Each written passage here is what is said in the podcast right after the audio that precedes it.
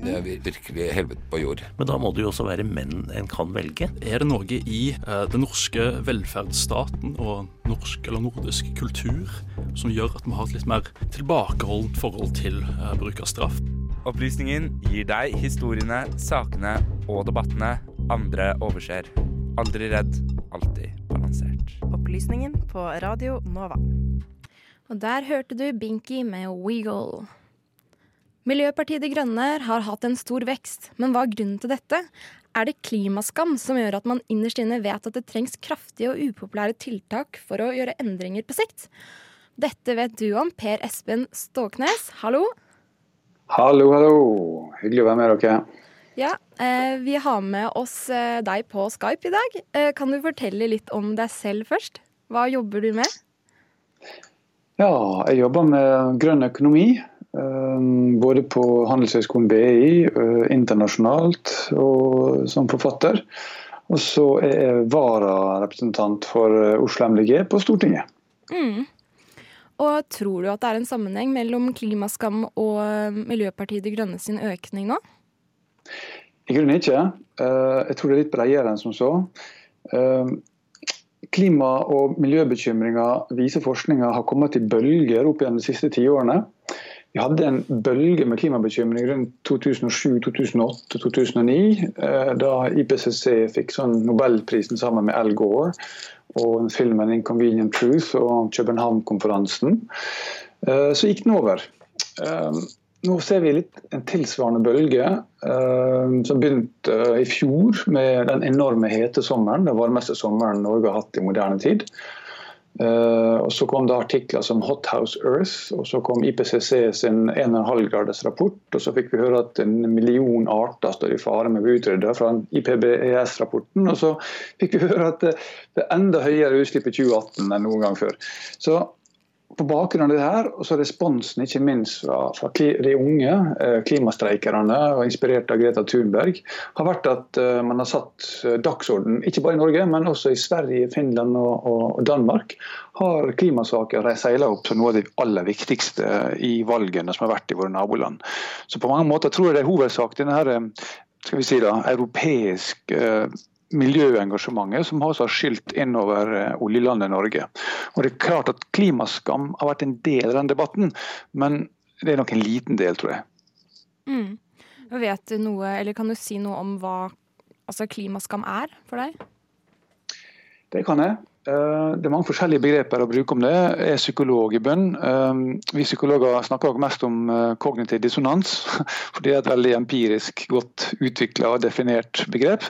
Og Det går på en slags sånn indre skurring man kan kjenne hvis du vet hva du burde gjøre. F.eks. at um, ikke fly så mye, ikke spise mye kjøtt og ikke kjøre så mye bil. Men så har vi en infrastruktur og et samfunn som er lagt opp til at du nesten må gjøre det. Altså um, Mor serverer kjøttkaker, og du må besøke broren din i en annen by. Og, og kommer ikke, får ikke hverdagen til å gå i hop uten bil. Så da tvinges du til å leve, handle på en måte som er i strid med hva du tenker. og den den spenninga eller ubehaget eller den dobbeltmoralske følelsen som oppstår da, det kaller vi psykologer for kognitiv dissonans. Og så har da svenskene klistra flyskam på det. Mm. Og tror du det er en god ting at vi har fått mer klimaskam? Det kommer helt an på hvordan man responderer på det. Og det kommer også an på hvilken segment av befolkninga du tilhører.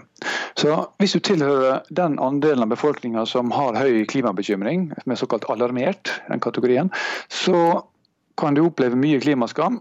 Og Så spørs det da hva du gjør med det. Du kan enten bortforklare det og late som at du bare må det.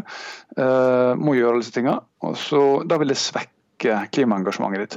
På den annen side, hvis du tar tak i det, og så gjør du en handling som oppleves meningsfull, altså at jeg tar en vegetarmiddag, jeg tar og kutter et par flyreiser, og så kjenner du at hm, det var ganske godt. Da har du brukt det ubehaget som var i klimaskammen, eller den dissonansen, da, til å få en ny opplevelse av mestring og mening. Og da er det en bra ting. På den motsatte siden har du de som ikke har klima som høy prioritet. Og når de da får høre om at de burde skamme seg, så blir de jo bare sure på avsenderen. Og de velger å tro enda mindre på klimasaken, og kanskje lytte litt mer til misinformasjon som da sier at eh, nei, klima det har vi alltid hatt. Klimaendringer er bare noe som pågår, det er jo det er ikke menneskeskapt å bare fly så mye du har lyst, for det spiller ingen rolle hva du gjør. Så helt avhengig av den indre psykologiske prosess, da, holdninger og hvordan du reagerer på den, det ubehaget som, som økte CO2-utslipp gir det, eller ikke gir det, så kan det være konstruktivt og det kan være destruktivt. Mm. Og ja, For Miljøpartiet De Grønne, da, tror du at det vil fortsette å få en økning? Det er jeg ganske sikker på, uh, ut ifra at MDG fortsatt er lavere enn f.eks. i Tyskland, Danmark. Eh, nå har Sverige gått litt ned, men Finland ligger godt over. Da. Så at den, eh, denne miljø- og klimabølga er eh, en strukturelt skifte, det er jeg rimelig sikker på. Altså, jeg er jo framtidstenker, jobber mye med scenarioer. Jeg kan godt se for meg et scenario hvor denne bølga også går over. og er tilbake igjen på et bunnivå i 2022, sånn som vi var i 2010. Men um, antagelig har vi tatt et skritt opp trappa. Uh, Istedenfor at det bare er bølger som så sender oss ned igjen på, på sluttpunktet. Og i forhold til MDG så er det vel slik at MDG har det sterkeste eierskapet til klimasaken. Eh, at folk assosierer klimapolitikk med MDG. Så hvis klima- og miljøengasjement blir større, så er det naturlig at det vil medføre en fortsatt økt eh, MDG-støtte. Mm. Ja, hva slags forandringer vil det bli nå? Som nå, nå, som dere har fått, eller Miljøpartiet De Grønne har fått mer stemmer, og hva er det som vil forandres? Ja, nå blir det en herlig by. Nei da. det får vi håpe at det iallfall går i riktig retning. Um, nei, altså at uh, MDG vil fortsette å levere på lovnadene om um, renere luft. Um, uh, lavere utslipp, at vi jobber mot å må det veldig ambisiøse målene for 2030. Eh, at vi vil prøve å forhindre nye, store veiutbygginger istedenfor å gi eh, alle bedre tilgang og lavere kollektivpriser. Eh, det er en veldig høy sannsynlighet at, at vi vil kunne fortsette å gjøre alle de tingene som, som MDG har gjort de siste fire åra, og som, som velgerne tydeligvis setter pris på. Mer rød sykkelveiasfalt. Mer avganger i kollektivtransporten. Og eh, forhåpentligvis da jevnt over eh, renere luft. Og kanskje klarer vi også å få med oss regjeringa på eh, å ta CO2-fangst på Klemetsrud. Og Da vil Oslo i alle fall kunne nå sine veldig ambisiøse klimamål og fortsette å ha en sånn internasjonal ledestjerne som andre byer i verden har lyst til å lære av. Mm. Og siden det er økt Eller ja, eventuelt da klimaskam, eller i hvert fall at folk blir mer bevisst på klima, som er bakgrunnen for Miljøpartiet De Grønne sin økning. Tror du det kommer til å gjøre at de andre partiene kommer til å satse mer på øh, miljøsaker? Det hadde vært uh, veldig hyggelig at uh, de øker ambisjonsnivåene de andre partiene også, og at man er villig til å samarbeide om miljøsaken. og At det kan bli en slags sånn generell dreining av hele politikken. Vi snakker jo ofte om at 1900-tallspolitikk har vært dominert av venstre- og høyreaksen. Den har på en måte definert de alle partiene. Eh, nå får vi inn en tredje akse, som er altså grå versus grønn. Eh, og MDG ser vel seg selv som det partiet som er lengst ut på den nye grå versus grønn-aksen. Eh, og når vi får økt oppslutning, så håper vi å dra både venstrepartier og høyrepartier fra gråsiden og retning av det grønne. Så da får vi en slags todimensjonalt politisk aksesystem.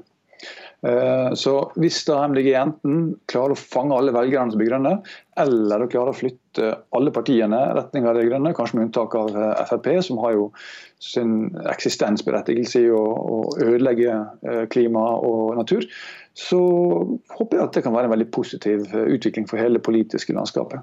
Mm. Og um, kan du si noe om øh, symptomene på klimaskam? Hvordan vet du at du, har, at du skammer deg over klima? på en måte? ja. Nå er det heldigvis ikke noen klinisk diagnose, og det finnes ikke noen sånn diagnosemanual som kan hjelpe deg å finne ut av det. Um, Men det er klart at uh, hvis du begynner å kjenne sånne Legge merke til et ubehag når du gafler i deg den tredje biffen denne uka, eller at du fyller 60 liter diesel på SUV-en din, eller du innser at nå har jeg flydd eh, fire ganger den siste måneden, og det er kanskje litt mye, så håper jeg at det ubehaget blir brukt på en konstruktiv måte, istedenfor å bare fortrenge eller fordreie eller latterliggjøre klimasaken.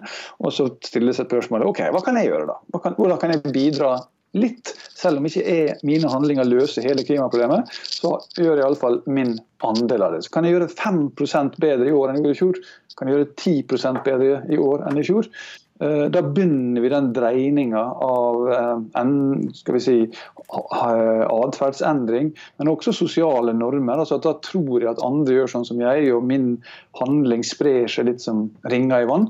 Og Da deltar vi i den store jobben det er å endre kulturen vår, eh, som har vært basert på fossile, og som nå skal bli basert på nullutslipps og positive teknologier for naturen og for klimaet. Mm. Ja, tusen takk for at du tok deg tid til å bli med oss i dag. Bare hyggelig. Mm.